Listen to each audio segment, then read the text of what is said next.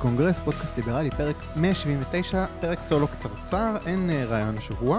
אה, באופן כללי מאזינים קבועים שמים לב שבחודשים האחרונים זה כבר לא פרק בשבוע, יש דילוגים מדי פעם, אה, הסיבה זה פשוט עומס בעבודה, עומס שקצת חורג מהשעות הרגילות ולא משאיר לי פשוט זמן להקליט פרקים. אני מקווה שזה יעבור מתישהו, אבל בינתיים זה המצב. בכל זאת רציתי להקליט פרק, כי רציתי להגיד משהו על משה פייגלין. Uh, מי שלא שמע, בעקבות האסון הנורא שקרה ב- בלבנון, בביירות, משה פייגלין כתב פוסט שבו הוא פחות או יותר אומר, uh, הם אויבים שלנו, זה היה שם נשק של החיזבאללה שהתפוצץ, וטוב שהם מתו, יום חג, קיבלנו מתנה לט"ו באב. עכשיו, אין לי מושג אם הפיצוץ היה של חומרים שקשורים לחיזבאללה או לא, זה לא הוויכוח, וגם אני לא טוען שלבנון היא מדינה ידידותית, אבל כשקורה אסון כזה, ברור שמתים הרבה אנשים חפים מפשע. אבל מבחינת משה פייגלין זאת לא בעיה, כי הם לא יהודים. וההתנשאות הגזענית הזאת היא הסיבה שבסופו של דבר, למרות שהבעתי תמיכה מסוימת בזהות, בסופו של דבר המרכיב הזה של יהודים מעל הכל הוא שמנע ממני להצביע עליהם. הצבעתי ליכוד ואני אמשיך להצביע ליכוד עד שתבוא אלטרנטיבה ליברלית אמיתית שלא מתפשרת בנושא הזה. זה לא אומר שאני נגד מדינה יהודית, הניסוח שלי זה מדינה ליהודים. אה, וזו גם הסיבה שאני לא מצביע לימינה, שאולי יותר מתונים מפייגלין, אבל בסופו של דבר גם דוגלים בעיקרון של יהודים הם אזרחים סוג א' והשאר לא. זה ויכוח עקרוני שאי אפשר לטאטא מתחת לשטיח, כפי שהאסון הזה מדגים. אה, ושוב, אני מבין שהאוכלוסייה הפלסטינית היא עוינת, אבל אי אפשר שהקריטריון סיווג למוסר יהיה גזע. ואני אומר גזע ולא דת, כי בלבנון יש לא רק מוסלמים, אלא נוצרים רבים ודרוזים, אבל שוב, זה לא הפריע לפייגלין אה, לשמוח כשהם התפוצצו לחתיכות בביירות.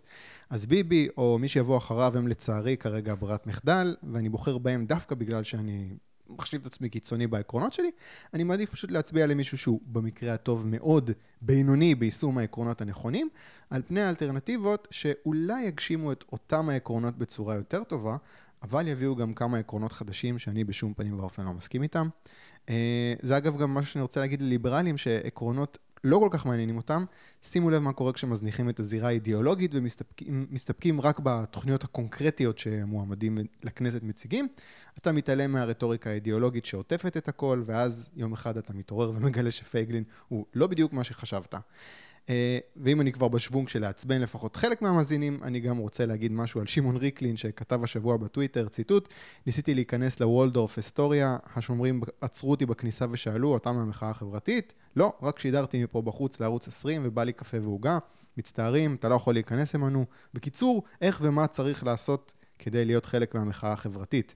סגור ציטוט, או במילים אחרות הוא אומר, המלון לא הכניס אותי כי אני ימני, רק אנשים ממחאת בלפור מקבלים יחס מועדף. אה, מוטי ורסס, דובר של רשת הילטון, כתב בתגובה, הנהלת המלון ערכה בירור מקיף, כולל צפייה במצלמות האבטחה, ומתברר כי לא היו דברים מעולם. במקרה זה צילמת מבחוץ, אך כלל לא ניסית להיכנס אל תוך המלון. שוער המלון וצוות האבטחה מכניסים כל אדם עם חיוך ולא חוקרים מה מטרת בואו ומהן השקפותיו. אה, סגור ציטוט, ועל זה ריקי נגיב. חבל שלהנהלת המלון אין חוש הומור קצת יותר מפותח.